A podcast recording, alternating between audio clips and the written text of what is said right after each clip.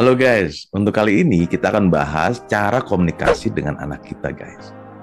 Kalau saya temukan dari pengalaman saya nih, kebanyakan nih pada saat diskusi dengan anak kita, para orang tua yang paling dominan untuk berkata-kata. Malah si anak terkadang tidak diberi kesempatan untuk berbicara guys. Jadi si anak ada dua respon nih guys. Yang pertama, dia akan mengiyakan saja, tetapi dia tidak serius untuk menyimak.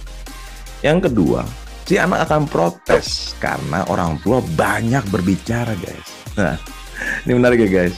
Nah, efeknya anak kita jadi males ngomong kepada orang tuanya. Karena dia merasa tidak nyaman ngobrol-ngobrol sama orang tuanya, guys. Dan jadinya anak kita akan lebih tertutup dengan kita. Tetapi malah lebih terbuka dengan teman-temannya, guys. Iya kalau pas temannya ini baik hati. Nah, kalau sebaliknya gimana, guys? Bisa jadi ada risiko berdampak tidak baik kepada anak kita nih, guys. Oleh karena itu, saya mengajak para orang tua untuk kita sama-sama belajar mendengarkan dengan baik kepada anak kita. Sehingga dapat terjalin hubungan dan komunikasi yang baik juga kepada anak kita, guys. Teman-teman, jika ingin menjadi sahabat anak remaja kita, silahkan ikuti seminar ini guys. Karena hal ini penting. Nah pertanyaannya, mengapa? Kami akan berikan teknik-teknik pendampingan anak berbasis coaching guys.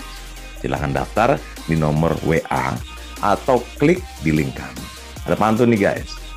Melihat candi sambil makan roti yang enak. Cakep. Yuk kita menjadi sahabat anak. Salam semangat untuk hari ini guys.